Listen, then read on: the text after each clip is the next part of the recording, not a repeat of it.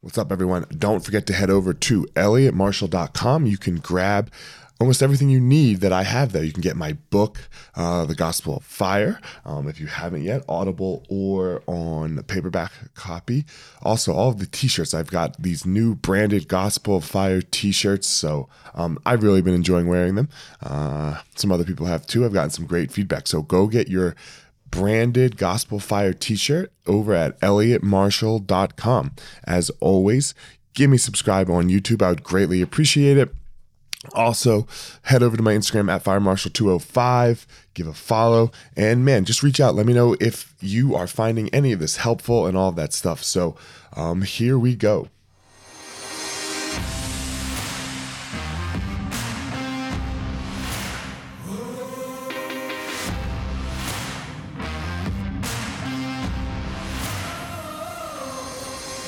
What's up, my ninjas? This is former UFC fighter Elliot Marshall, and this is the Gospel of Fire, where we are going to learn how to go into the fire so that we can find our power and live the best life possible.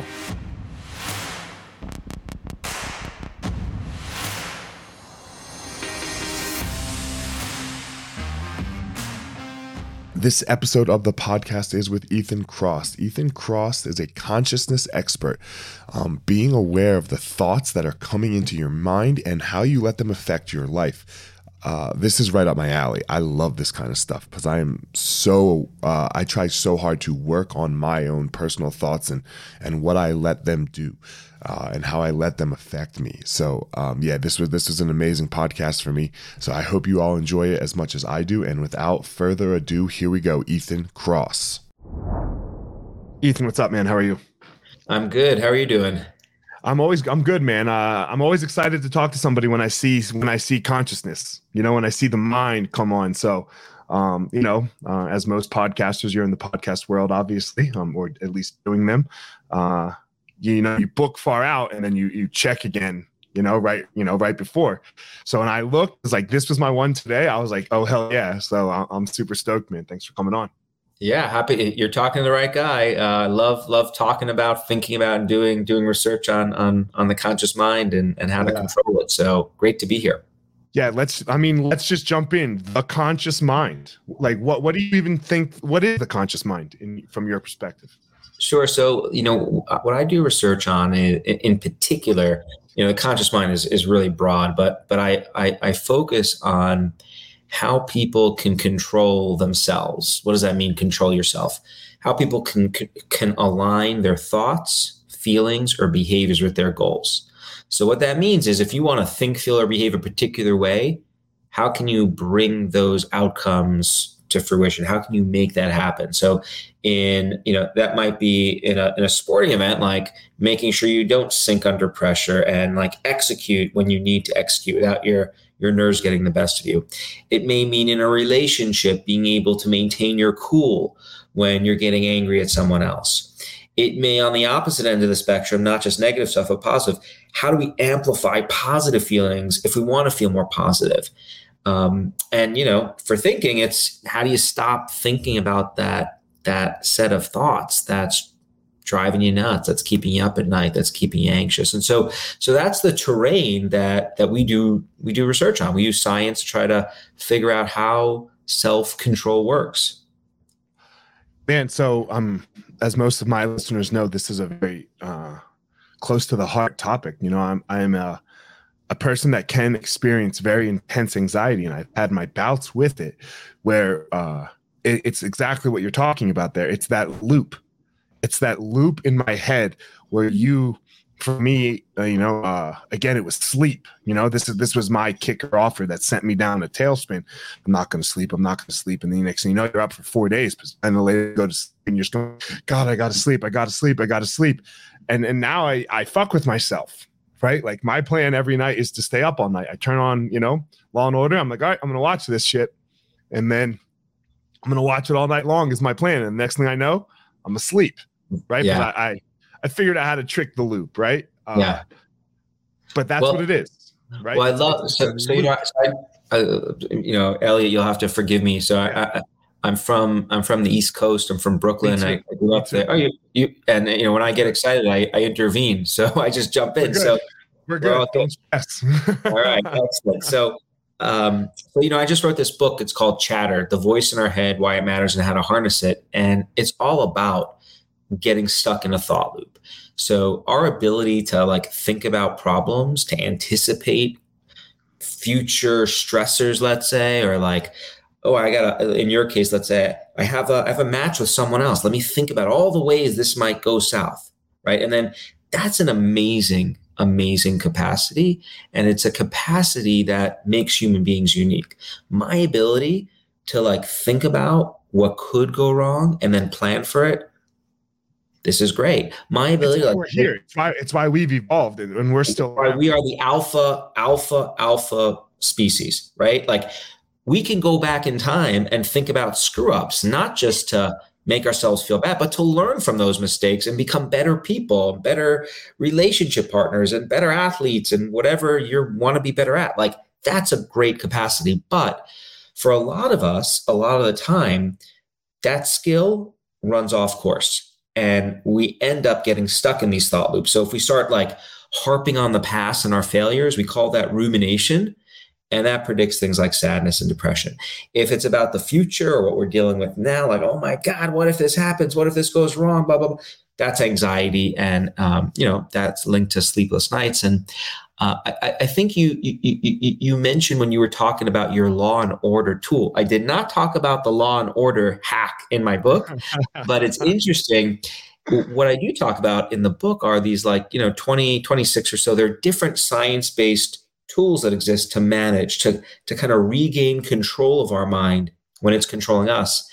And what's interesting about these hacks, these tools, as I call them, they're often really simple tools. They, they kind of just shift your perspective. Actually, it's interesting because I'm looking at you right now, and on your shirt, readers can't, listeners can't see it. It says jujitsu. I often talk about um, the kinds of science-based tools that we've identified as. Thanks for bringing up my shirt, by the way. elliottmarshall.com backslash shop. Grab a shirt. I, fire. and anyone, anyone who's listening, I like you know oath. There, this was I was not put up to do this. Go listen to me on other podcasts. You'll hear me talk about what I do as psychological jujitsu. Um, because what we're doing is we are using these tools that we've evolved to manage these conversations we have with ourselves that sometimes make us upset and anxious. And with these, like, they're little shifts, but we're switching momentum that our thoughts have in ways that I think can be uh, quite powerful and not unlike the very simple shifts that you do in the in the arena the octagon these are subtle shifts if anyone's watched jujitsu I'm, I'm guessing a lot of people here have no you're 100% but a right. huge difference and for me look the whole jiu-jitsu thing it, it, like yes there's there's this competitive aspect to it but there's uh most of the people that practice jiu-jitsu never step onto a mat to compete and they never step into a cage to fight so what is the bigger thing what what is the reason that people are doing jiu-jitsu what is uh, what is the beauty and the magic behind it? It can't be the arm bars and the chokes and the actual moves. It's how it helps us deal with our life, you know? And uh, so rarely, for example, what you're talking about here with thoughts, um, so rarely does anybody do a move to beat me where I'm just like, oh my God, what was that? I've never seen that before. Like that happens in the beginning to everybody, right? But then once, you know, three, four years in, no, doesn't, it, it rarely happens. You know exactly how someone's going to beat you. You're like, oh, that's exactly how you did this. And it's the same thing with our thoughts, right? Like we we you can follow the thought loop all the way through and how you got yourself there and, things like that. That there's no uh there's no magic behind it, I guess. There's no like, oh my lord, this is craziness. Yeah, well, you know, I think I think there there are there are two categories of experience here. There are some there's some people who they're experiencing distress, they're anxious, they're sadness, they're depressed, and they don't know how to get out of it. They they're not even sure what they're in, right? Like, what am I feeling? It doesn't feel good, but they don't even know how to get out of it. Then, then there are a lot of other people who know exactly what they're feeling, and they know exactly where they want to be, right? Less anxious, more positive, but they can't bring that to fruition. That goal, right? Like lots of people say when you're feeling anxious, hey, hey just just try to feel better. You know, focus on the bright side. Well, you know what? Yeah, no shit. Easier, easier said than done, right? Like you said it more poetically than I am. I can't say that here. I'm still earshot, right? At the university, like exactly, like duh. Yeah, I don't want to feel this way, but I can't do it differently. And what I think is empowering and, and important about the science is science has revealed tools that can help people do this, right? Lots and lots of tools. Different tools work for different people in different situations. There's no single magic pill, but there are a lot of different things we can do to take that edge off. So let me let me make it concrete. Yeah. I'll give you one yeah. one of my favorite jujitsu, psychological jujitsu moves. This yeah, is something great. we did some research on in the lab. So a lot of people when they're under stress, when they're ruminating, worrying, they do something. There are records of them doing this one thing I'm going to tell you about throughout time, for, and and it's often been ridiculed.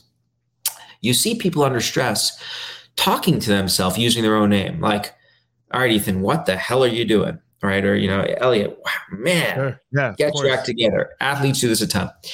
Uh, a lot of people think that this is a sign of narcissism, of being overly consumed with yourself. We've done studies on this, as of others, and what we found is this is a tool that you can use to help break yourself out of these destructive negative thought loops. And we call it distanced self talk. You're getting some distance and talking to yourself from a distance. And, and here's how we think it works. We, I think many people have had the experience of it, being much easier to give advice to someone else than to take our own advice, right? Like, you know, what, what is it like? Do as I say, not as I do, right? Like mm-hmm. this if a friend or a loved one comes to you with a problem, my guess is, or, or let's say a student in your case, right? Like a student struggling with something, they come to you. It's relatively easy for you to give them, to coach them essentially, right? To give them advice about how to deal with the situation in a very purposeful, useful way. You've got space from their problem. You can be objective. But when it's happening to us, it's often really hard to be objective. And so what we've learned is you can use language to help help you coach yourself like you would be giving co- advice to someone else. And so you use your name or the or the pronoun you. Think about when we use names. We use names when we think about and refer to other people, right? Like 99% of the time when I'm using a name, it's when I'm talking about or addressing someone else. So the link between a name and thinking about someone else, super, super strong link in your mind.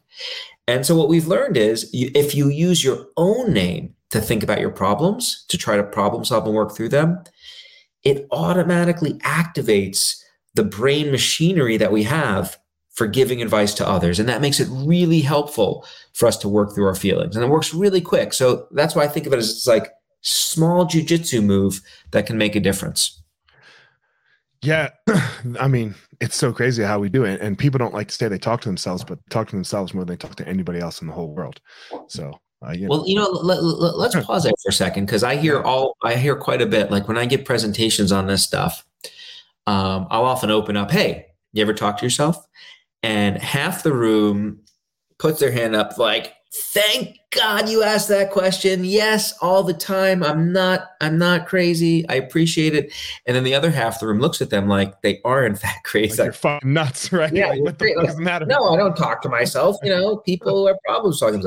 So we all talk to ourselves at some points in time. Let's if you want to just just to just to clarify for people how this works, when I say talking to ourselves, or if I'm talking about the inner voice, what I'm talking about is our ability to silently use language to reflect on our lives.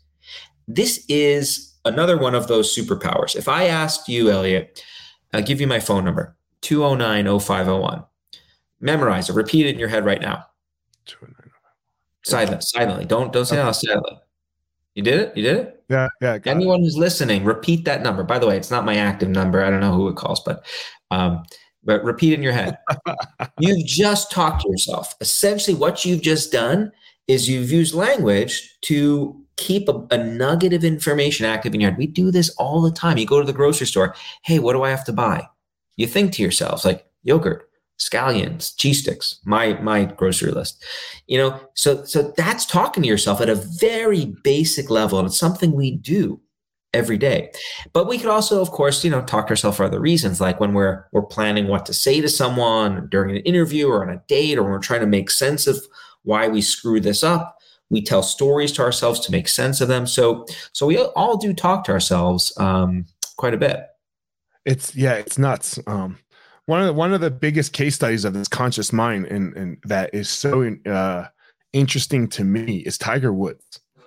Um, oh yeah, he does. He's like, he does this a great Tiger Woods. You you know when and but just his whole story as well too, like the unbeatable to the fall off, and it's not yeah. like his golf game changed. Yeah, his, his golf game didn't move other than what what was going on in his conscious mind, right? So well, you know, I, I, think I may. I can't remember if I mentioned this when we were off off off um, yeah. off mic or not. But so you you jump in if I did. But uh, you know, I've been talking to lots of athletes and lots of high performers while I was researching the book uh, and while talking about the book. And what you hear over and over again is the importance of the mind game, the mental game, the conscious mind. Because once you get to an elite level, as you know, you've got like you're surrounded by natural athletes with the best physical trainers they are at peak condition right like most of them so what what distinguishes those who really take it to the next level versus those that don't oftentimes it is that ability to manage our emotions you know i think this i i i think about this as mental fitness and i you know um I think we're increasingly beginning to uh, admit just how important this is. I mean, when I was growing up, like you never talked about the mind piece of it all, right? Like you only talked about that if you things couldn't were talk about anxiety and depression and all this stuff, and like it was like like if you did, you were weak. You were you were you were exactly uh, you were ostracized. But you know, like a lot of it, well, first of all, like if you experience anxiety or sadness at times, like one important thing to know is you should be congratulated because that means you're a human being. we have exp- we've evolved to be able to experience these emotions for a reason. In small doses, they actually help us. Um, let me give you let me give you my example of like a a, a high stress uh, or not uh, event. Like you know, I I give lots of presentations to different audiences, and you know, some of these audiences, it's like the equivalent of going in the octagon. At least it is in my head, right? You got like these super smart people. Their only thing they want to do when I'm talking is find a hole in what I'm saying so they can mow me down, right? Like there are these hostile audiences. And let me say, you're up in front of, you know, hundreds or more people. Like you don't want to get mowed down in front of everyone else. It's like getting, sure. getting choked out in the middle of the ring or whatever, you know, is the worst consequence. Not, not good, I'm guessing, right? And so, um, I've given hundreds and hundreds of talks, and usually I get I get dis, despite liking to speak publicly, enjoying it. Sometimes I get a little bit of butterflies in my stomach, a little nerves right before, uh, or even a couple of days before. And you know what those nerves do? They motivate me to rehearse, to practice, to make sure I'm at peak form. There have been a few times where I've I've given presentations and I didn't experience any of that and I don't think those presentations went as well because I didn't have that little bit of fuel. And there's science which shows that actually experiencing a little bit of anxiety or anxious arousal, as we call it, it actually boosts performance. And so here's the trick the trick is you want to experience that anxiety, that anxious arousal to a certain point that's optimal. But once it goes above that, it becomes suboptimal. And then you start um, not performing well. And I think with Tiger, what we saw is he just he just unraveled when he had that accident, and and it really was. Oh, he got caught, right? Yeah, caught sex, all the sex stuff. That too. I I, I conflated. Yeah. I, uh, it was an accident, and then he got no, or is it just he got caught? No, no. So he he had the accident because his wife was fucking chasing him with a golf oh. club and she right like he was that's running right. away from that's his right. wife because right. all his shit came out. That's he recently right. had another accident where he that's right where he really hurt. But that's you know, right. in, in 08 or whenever that was, it was when all the sex scandal came out. So yeah, and then he just could not like yeah, he was and you could even see it like he was just a different human once he got caught and stopped like, you know, philan- uh, being a philanthropist and you know or whatever that not a philanderer that, that's somebody who gives their money away philanderer so, you are very close philanderer yeah i was i was very close sorry um, um, man well, so how do how let me ask you a question how do we how do we get to optimal Like give us give give people Yeah. some steps to like get to optimal because that that's a very fine line. Optimal and then over the top. This isn't it's not a thick line where it's hard to go from one to the other. Like you can you can go bad quick. Totally. I think number one is being able to recognize when you are going into suboptimal zone, right? Sometimes people don't just don't even realize they're already caught up in it by the time it's it's you know getting really severe. So so I call this all chatter, right? Like chatter is the shorthand to talk about when you're when you're getting stuck in a thought loop. And you know, people often ask me, "Hey, you're you're an expert on on chatter. You've been studying this stuff for 20 years, doing blah blah blah. Do you ever experience it?" And I, and I you know, usually give them a little stare and I say, yeah, of course I experience it. I'm human at times. So what I've gotten really good at is I I can sniff out that chatter the moment it starts to brew and then I immediately take action without thinking. It is automatic. And I start implementing tools, techniques to, to lower the, the temperature. And that often helps. Sometimes it gets a little worse, but usually it really does help me and that um, helps me stay in that optimal zone. So, so what are the tools? Let me give you a, a like a very quick framework for thinking about this. Because as I mentioned before, you know, I think you often hear, "Hey, there's this one thing you should do. It's going to make you better," right? Like, just meditate, just be in the moment. There, I've been doing research on this for a really long time. There is no single tool that works in all situations, right? Like, you need a toolkit. I'm Lots a, of medit- I'm a meditator and sometimes meditation doesn't fucking work. right? I med- I've been. I, my dad taught me to meditate when I was five years old. I love meditation. Nothing negative against meditation, right? Like I think Right. it's a really useful tool, but there are lots of other ones too. So there are three categories of tools that listeners should be aware of. There are things you could do on your own, right? Like meditation. Then there are tools that involve our relationships with other people, ways of really harnessing our relationships and thinking carefully about who we interact with that can help. And then there are what I call environmental tools, ways of interacting with your physical spaces that can actually make a difference. And so uh, let me give you a couple examples of each one. Can't get into, I wish we could Yeah. talk about them all, but we won't have We, enough gotta go time. back- we got to go back to work. Yeah, for sure. Yes. so, um, so I already told you about one tool, the distant self-talk, and that's my go-to, right? Like the moment something I is, I'm finding myself getting caught up. Ethan, this is ridiculous. You know, this is going to be not. You know, use your name to try to coach yourself through that problem. Um, another thing you could do is something I find call, that personally to be like the low hanging fruit, right? Like when I'm not too far down, right? Like when Yes. if I'm not too far down the rabbit hole, I caught it really early. Generally, that one works for me. Then, do you find that as well? You know, I I find that um, I find that it, for me it works across the board, but but um, if it's if it's not too intense, that's all I have to do. If it is a more intense form of chatter, I'll often layer on other tools in addition to it. Okay, that's So what I think. kind I'm of like- the same thing. Yeah, yeah. So like rather than like if you think of distant self talk as like taking a taking a Tylenol, Tylenol works when it's a you know a medium headache, but if it's a migraine, I may take an Advil as well or some other things. Right. Um. Okay. Of course, we're not talking about any pills here. There's no pills on this show. So um, uh, here's another another easy easy one. Uh, I use a lot: mental time travel. Right. M- what this involves is often when we get stuck in chatter, we're totally immersed in the awfulness of what could be, and we it's all we could think about in a very narrow way. If we step back, that can often help. Uh, and one way of stepping back is to think about how we're going to feel about this thing that's bugging us down the road, a month from now, a year from now, five years from now. What often happens when people do that is they realize that as bad as it is or could be, how it, it, those are unstable feelings. They're eventually going to fade. Like you think about think about getting dumped by someone you really love right?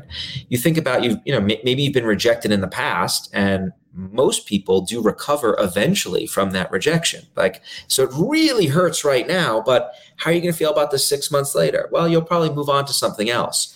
And so engaging in that mental time travel can be can be really helpful. Like um, you know, like think about a, a, a match that didn't go well. How are you going to feel about that that potential loss? If you're if you're just oh my god, what if I lose this thing? Well, you're, you're going to be feel pretty bad, I would say, five minutes after you lose. But what about six months from now, right? When lots of other things have happened. So that's another thing you could do um, on your own that can often be be quite helpful. If we if we shift buckets here, um, if we go to um, actually before I shift buckets, let me tell you about one other thing. Do a ritual. Do you ever have you ever done rituals when you were yeah. when, when, when, you're competing? You have any yeah. fun ones you want to share with people? Uh, look for me, and and I figured this out late in my in my career. Uh, it was uh, eat sushi because I ah. love sushi, and it became it. I, I I discovered it very weirdly, in the sense of like I was very nervous one night before I competed, and I had to show up to the arena because I was co- I had to coach my athlete, an, an athlete of mine, and then you know she was at like six o'clock, and I was the main event at ten o'clock, so four hours in between. And I'm like, man, what am I gonna do? I'm fucking nervous. What am I gonna sit here and just be nervous? I was like, man, my favorite sushi restaurant's right down the street. I'm gonna go eat that goddamn sushi and fucking sit there, hang out with them. And like it, it totally calmed my nerves. And then it became this like thing. I'm like, oh, I'm gonna eat, I'm gonna go eat sushi because that is yeah. what Elliot likes to do. Nice. And you just did Elliot also right there, yeah. purposely. Yes. Totally. Well, well, so it's it's interesting. Um, so where are you from, by the way, Elliot? Like I grew like, up in South Jersey. So I grew up in South Jersey. I'm a Philly fan. Uh, okay. In, in, my sports, I had a little hiatus with the Eagles with Michael Vick, but I'm a Pitbull fan. i have been a Pitbull owner my whole adult life. So, got it. Okay, I, I went to school in Philly. So, where'd you um, go? So I, I went to University of Pennsylvania. All right, cool. My mom wanted me to go there. I didn't get in.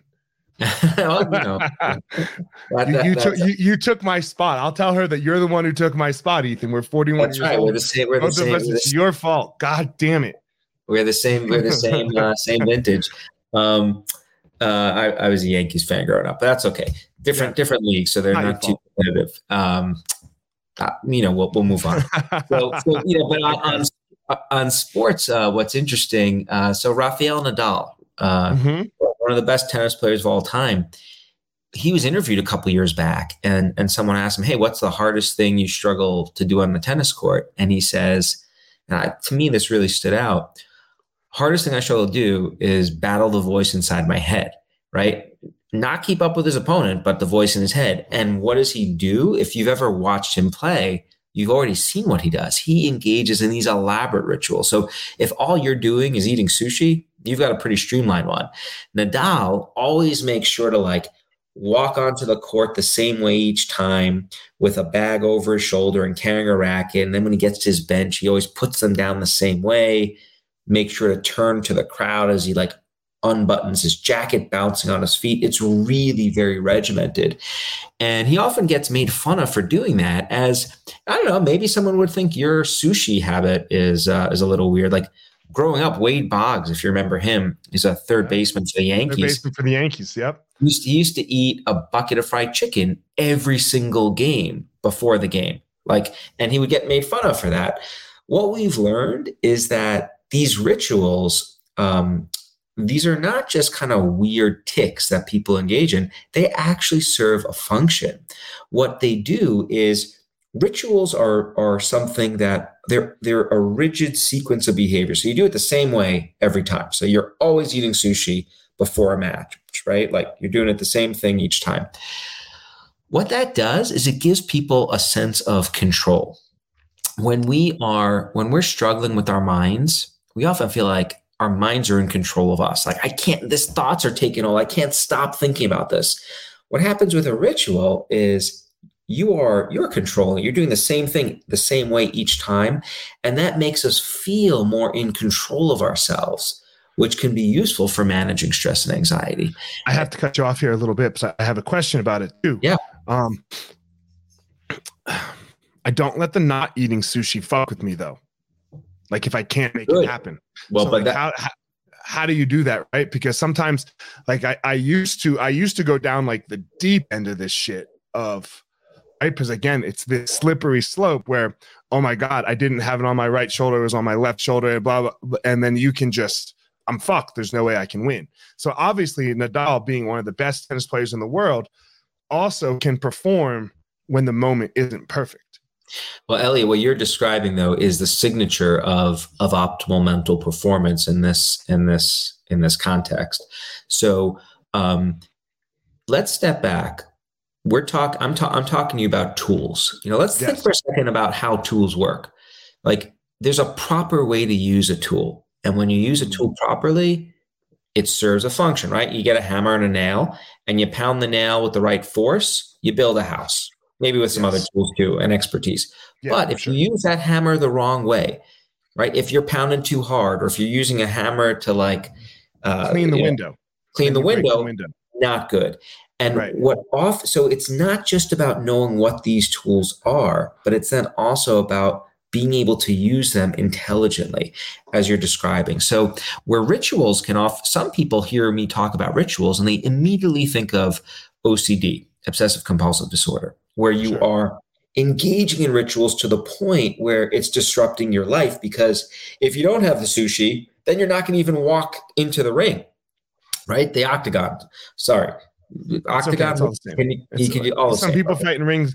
That the UFC is the octagon, but people fight in rings, people fight in cages, people do all kinds of shit. It's, it's all got it. Okay, so so like you don't want that to happen. You want to be flexible, and I think that's part of what I find so attractive of having an entire toolkit, not just knowing about one thing. But hey, if this isn't working, let me iterate and use another tool. So so let's go to another category those other people. So you know uh, so i'll do distant self-talk and i'll, I'll mental time travel. I'll, I'll, I'll sometimes like do a ritual.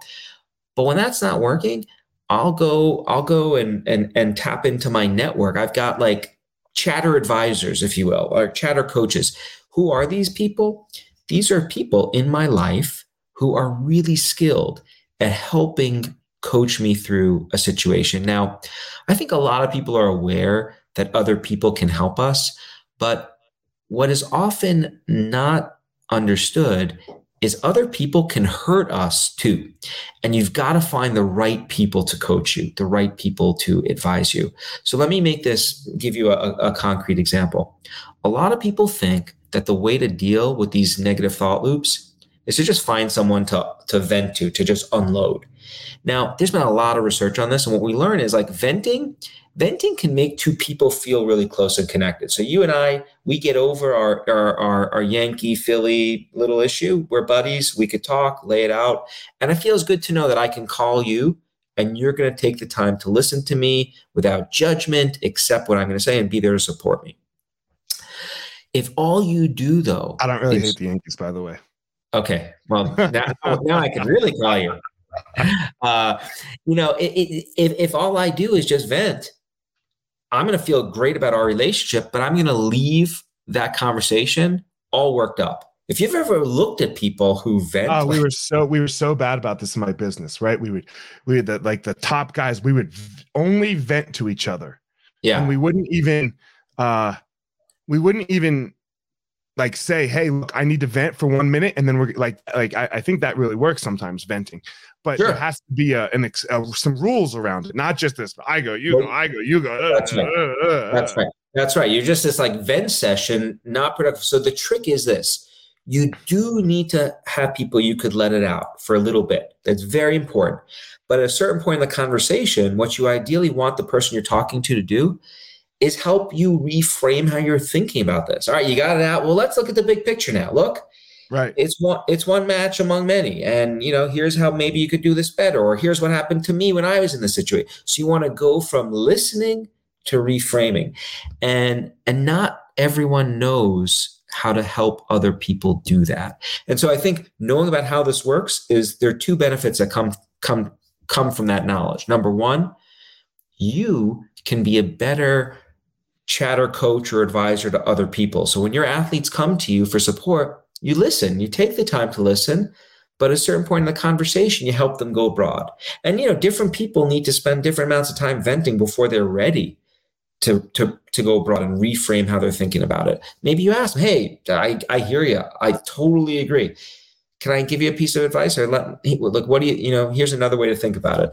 So you could be a better coach to others, but importantly, you can think really carefully about your relationships and think, "Hey, who are the people in my life?" who don't just get me an event, but actually help me work through these problems. Once you identify those people, that's your board. Those that's that's your chatter board of advisors. Those are the people you go to for support. So you know, that's I our like relationship. Chat, chatter board of advisors. I like that. Yeah. Yeah. I mean, think about companies, how companies work. Mhm. Companies have like the most successful companies in the world. They all have got a board of advisors. Who are on those boards? People who are exceptionally good at what they do, navigating companies to success, in particular when they're when they're under crisis, when they've got important issues to deal with. I These think people necessarily don't work in the business, right? They're they're they're the board. Absolutely. They come from different industries, they have different pockets of expertise. So I have a board. Like I've got one close friend from who does what I do. I've got I've got a couple of relatives. I've got people from, you know, uh, my my my my book agent is on the board. So we've got it's it's a really diverse set of people who can weigh in and, and assist. And I think I think we'd all be much better off if we if we thought carefully, number one, about who should be on those boards and then nurture those relationships. Like before I started doing some of this work, I would just talk haphazardly to people. I'd go to like some relatives and uh, what I'd realize is like they care, they love me a lot. Like they all they want is for me to be happy and healthy, right? And It's yet not every- ill intentioned. not their intentions. And I after every conversation, I would just feel worse. So that's not what we want. And sometimes in those conversations, they just like confirm your opinions already, right? And that that that didn't help you. That right? didn't help. That's all. right. Because so here are the two pieces. If we want to get even more more fine grained, we have two needs. We have these what we call social and emotional needs. We all want to feel validated and accepted and loved by others. And when when when when when my daughter comes to me and I I say you could tell me every anything, sweetie, just tell me I love you, and I just listen, and she feels that connection, that emotion, that warmth. But we have a second need. We have this we call this a cognitive need. And what that need is we need to be able to think about this problem in a way that helps us work through it. And that you, you don't just get that with a hug. You also need some restructuring of how you think about stuff. So something to keep in mind. Ethan, I want to ask you a question here because um, I, I I I try to make sure that the listeners always have some information, and some steps, right? Like Yeah. of, of, like the actual information. But I also have this thing where I like people to understand how how a, a human being got to to their their space in life, right?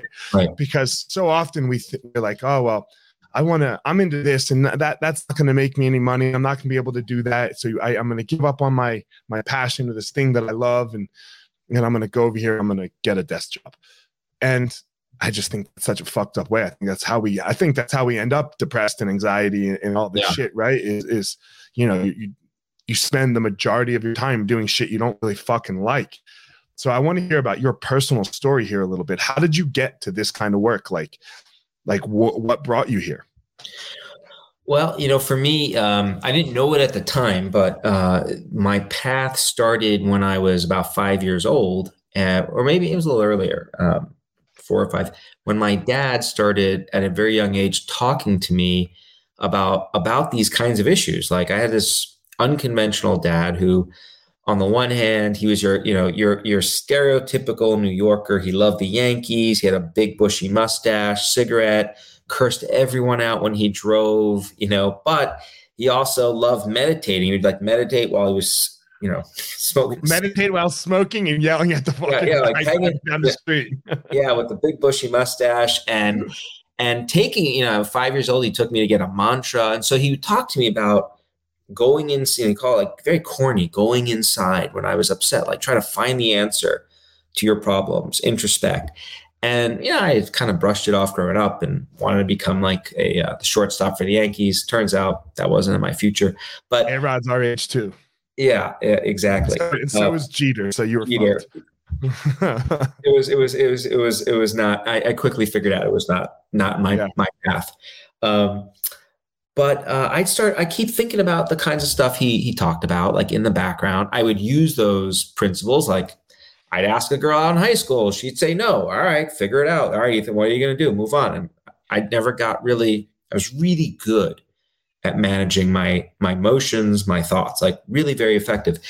Then I got to college and and I took my first class in psychology. And about halfway through the semester, I started learning about the things that my dad and I were talking about. Like, hey, lots of people have have looked at what what what does it mean to go inside or introspect and is it good or is it bad and what i found is for a lot of people a lot of the time directly contrast to what my dad had told me like turning their attention inward to reflect on their emotions made them feel worse and so that to me was puzzling so why is it that sometimes this helps people work th- focusing on their problems to work through them but other times it hurts them and so I got really interested in that. And um, the real pivotal moment for me was I found that I would I would start like whenever I'd be studying for an exam, I'd like used to study in a in the bookstore in Philadelphia, and I'd I'd go on breaks to the psychology section. I like thumb through books and like just look at them for fun.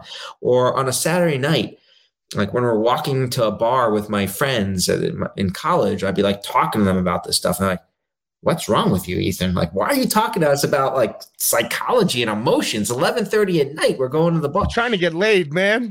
Up, you know, and so all, all, what I kept thinking was, uh, well, if I'm spending my spare time thinking about this stuff, maybe I should like spend my life doing it and and and and make that into a career and and that's how I stumbled into psychology and uh, you know I've really I, I, think I think I'm really lucky. I, I count count my blessings, so to speak, that I get to spend my time trying to answer questions that have potential to help people. I've got three questions for you to to end here. Um, one I've never asked anybody else before on the podcast, so we'll start with that one. Pats or Geno's, bro? Geno's. God, now we have a problem. Uh, two. two. I do believe everyone in the world has this uh, unique and, and special kind of power, let's say, you know, this thing that makes them amazing in the world. Not that makes them a ton of money or anything like that or fame or what's what's your thing? What's your power? Um I think it I think it's uh positively reframing and sticking to that big picture positive outlook. Uh, you know, I get bummed when when something bad happens, but I recover really quick, and I think that's really served me well. Nice. Um, and last question is, uh, look, uh, I'm not Rogan, I'm not Ferriss I'm, I'm not Jocko. This this probably won't do much for you, right? As far as like, I don't know, maybe you'll sell a book or two, right? But I mean, how much did you book? Thirty bucks. So you know, I'll, 20, I'll get you. 28 Twenty eight ninety nine. So yeah. whatever, whatever you know. So it's it's this this isn't going to change your life. I can't blow up your your brand or anything like that. So why do this? Like why why come on some dude's podcast that you've never met before? When you Google him, it's him punching somebody in the face.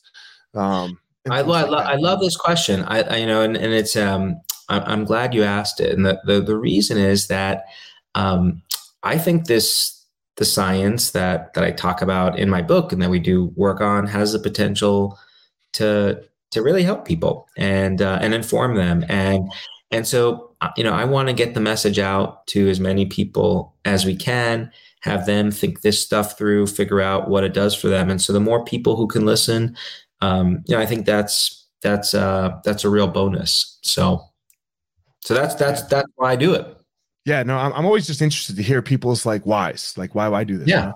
So um, yeah, I, I don't, you know, I think every audience matters because what we're talking about is the mind, and everyone's got one, right? So I don't, I don't, I don't want to discriminate and say, well, I'm going to talk to this group in you know who in this industry but not this one i think these are universally applicable messages and the more we can do to get them out the better i, I 100% agree um, thanks for coming on. I greatly appreciate your time. If if people want to buy your book or or find you online, social media, where is that? Where where's that? Where are the best places?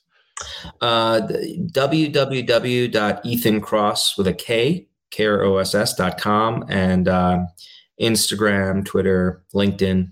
You can find me at any of those. All those places. All right. Um, I appreciate it. Again, guys, as always, Ethan has his unique and special Mm, power. I have my unique and, and special thing and power that I do. Go out in the world. Don't try to be Ethan.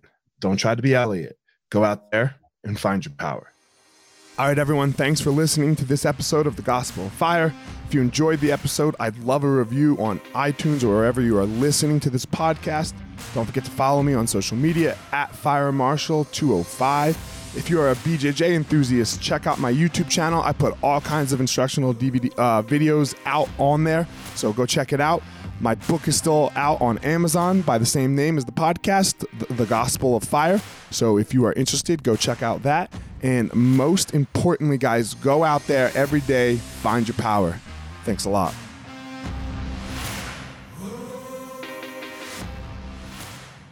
Guys, look, I get it. I totally get it. You opened a martial arts school, and man, it's kind of crushing you. There's all this other stuff to do other than teach, right? You love teaching. You love jujitsu. You love Muay Thai. You love karate. Whatever it is you're you're teaching. And man, but there's all this other stuff. There's there's the front desk. There's there's taxes. There's curriculum. There's cleaning. There's there's problems, staffing, covering. Whew, man, it's so much. It's so much. Well, let me tell you, uh, we have started what's called Easton Online, and Easton Online is here to solve all of these problems for you. Easton Online is a digital academy for martial arts school owners and managers. Will help you establish or enhance your business with best practices. Most importantly, we're going to help you get back to what it is that you love most teaching and doing martial arts.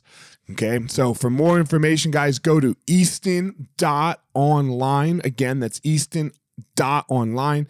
Add your email. You're going to get notified about the course launches. Our first course is going to be all about the first impression specialists, your front desk, and all kinds of stuff, special offers, promotions, as well as we started a podcast by the same name, Easton Online, that's going to talk about our process of how how we went from a tiny little martial arts school to what is now seven martial arts schools, seven Brazilian Jiu Jitsu Muay Thai schools, um, in a very holistic way that we believe um, kept the integrity of the art and also deals with its people very well. So again, Easton.online, enter your email and you're gonna get all you're gonna get everything you need right there. So thanks, guys.